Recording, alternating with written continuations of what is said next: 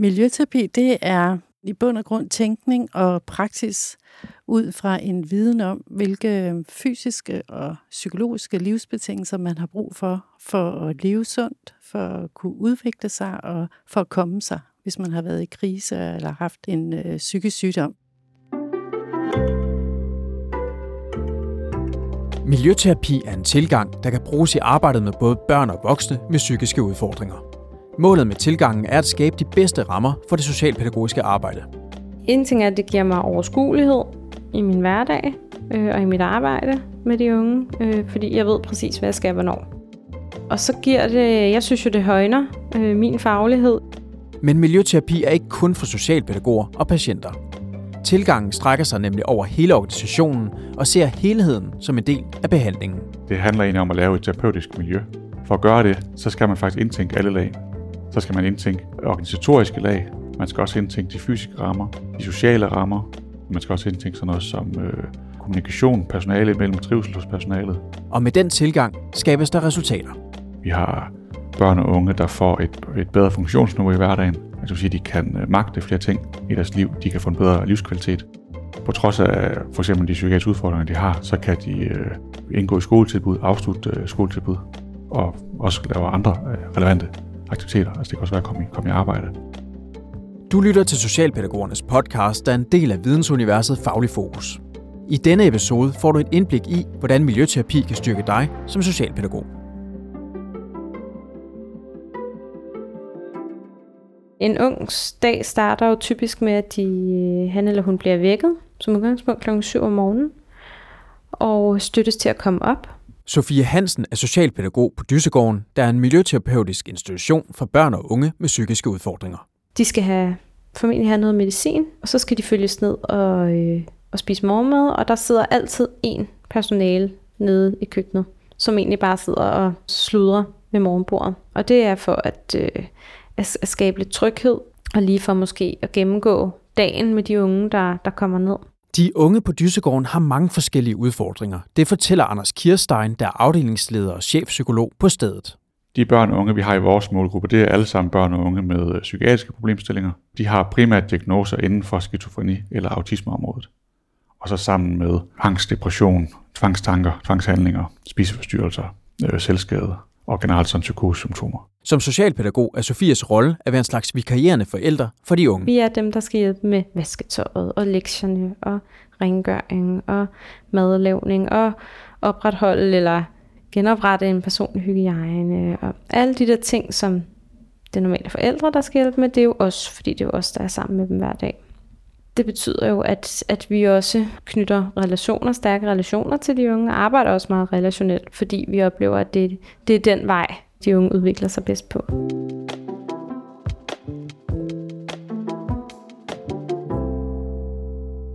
Miljøterapi er en ret kompleks størrelse.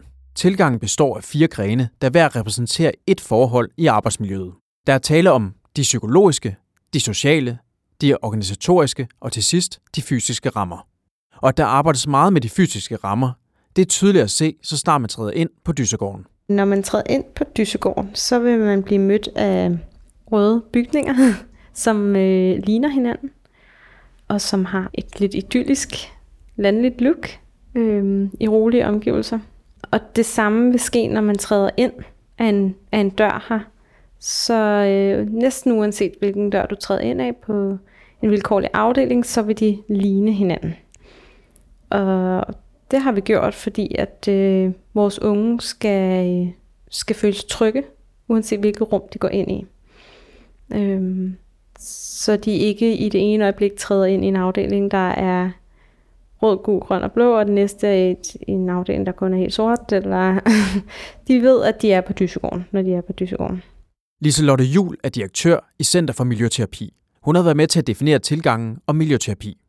Hun fortæller, at miljøterapi er den eneste behandlingsform, der tager højde for, at arbejdet med relationer og de fysiske rammer skal fungere i samspil med hinanden.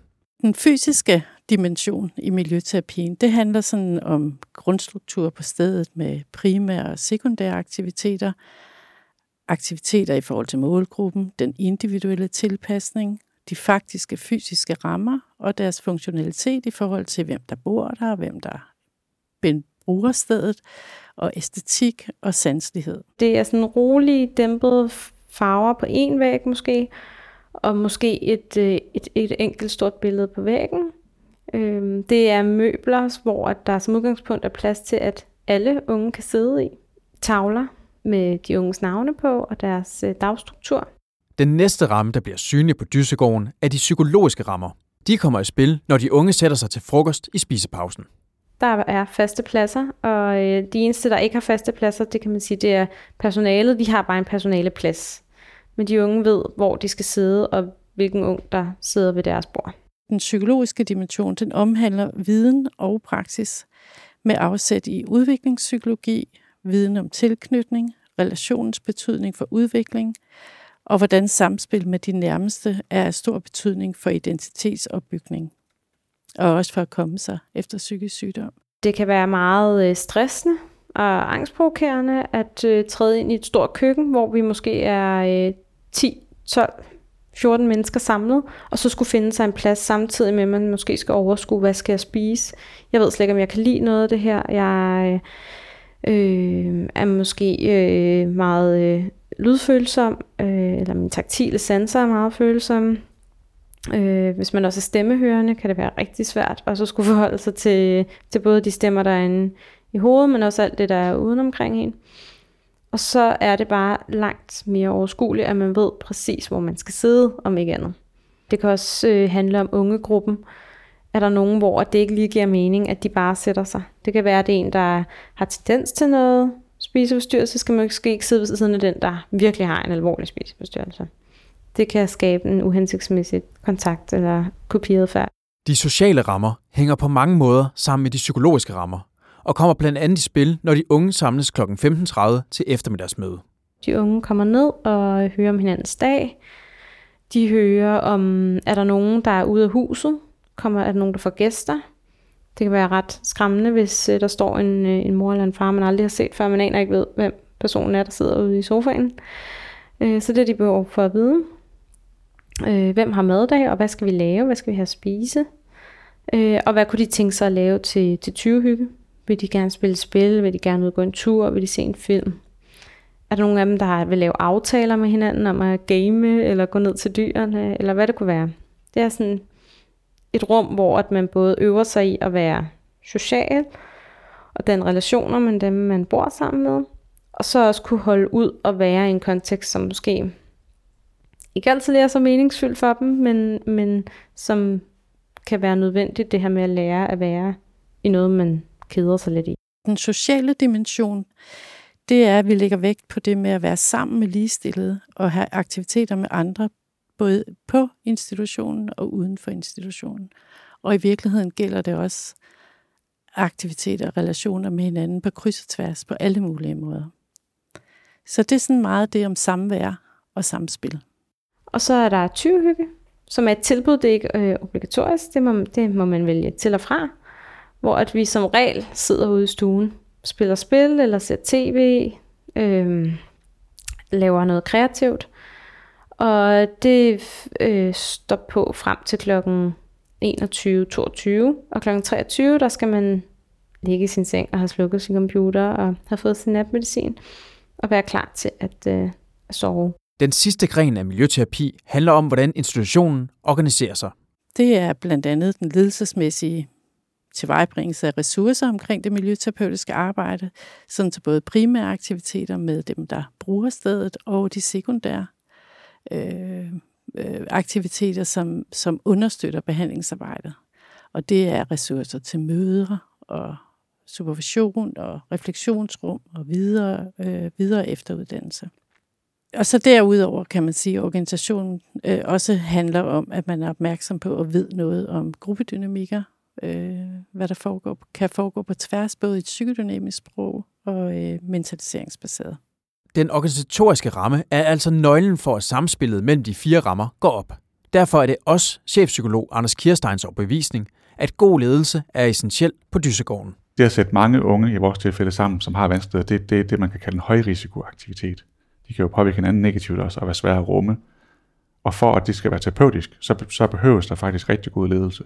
Der behøves gode strukturer, gode rammer, og der behøves en ledelse, som øh, kan bidrage med øh, en fælles referenceramme, og øh, de unge vil ofte behøve en god grad af forberedelse, så kan man sige, at ens ledelse kan man jo også indtænke, at øh, man får truffet beslutninger i god nok tid og får meldt dem ud øh, øh, forudsigeligt nok til personalet, så de kan være forberedt nok til at kunne forberede øh, brugerne. Når de fysiske, psykologiske, sociale og organisatoriske rammer er helt bevidst tænkt ind i institutionen, så giver det borgerne de bedste rammer for at udvikle sig.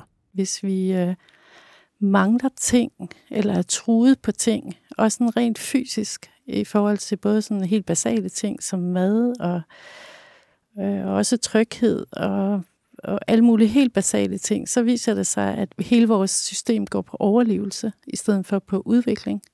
Så, så vi er nødt til at stoppe op for at sige, hvordan klarer jeg mig her og nu? Og på den måde, så bliver det enormt svært at komme videre frem og være i nogle relationer, der hjælper en, hvis man hele tiden er presset helt basalt. Og, og det kan vi også se bekræftet, når vi taler om med de anbragte og de tidligere anbragte, hvor meget de der helt, helt almindelige fysiske forhold har en stor betydning. Og først når man kan være sikker på, at man er i en tryg base, så kan man ligesom sige, hvor vil jeg så hen herfra? Hvad kan jeg bruge det til? Så derfor er det øh, i hvert fald i miljøterapi, miljøterapeutisk tænkning meget vigtigt, at vi helt bevidst tænker det ind, og ikke tænker, at det sådan giver sig selv. Fordi det er ikke vores oplevelse, at det gør det. Den betragtning er Anders Kirstein helt enig i. Han mener ikke, at børnene på Dyssegården kan udvikle sig, uden at det bliver tænkt miljøterapeutisk. Man kan sige, at de udfordringer, vi har med at gøre, der vil jeg egentlig gå så langt som til at sige, det er udfordringer, man, øh, man faktisk dårligt, eller måske slet ikke, kan behandle, uden at tænke miljøterapeutisk. Det er faktisk rammerne uden omkring behandlingen, der har betyder meget for effekten af behandlingen. Tidligere, hvor man ikke tænkte i miljøterapi, der, der havde man måske i højere grad behandlinger, hvor man måske var i nogle lidt kedelige omgivelser og nogle kedelige bygninger, og der var ikke tænkt over, øh, hvordan så gangen ud, hvordan så kontoret og øh, terapilokalet ud. Man skulle bare have sin, sin times øh, terapi om ugen for eksempel. Jamen, hvad med resten af døgnet? Hvad med resten af ugen? Hvad med, øh, måske betyder det noget, om du ser ud i en grå betonmur, når du ser ud over en dejlig grøn mark og en blå himmel. Og det gør det, sjovt nok.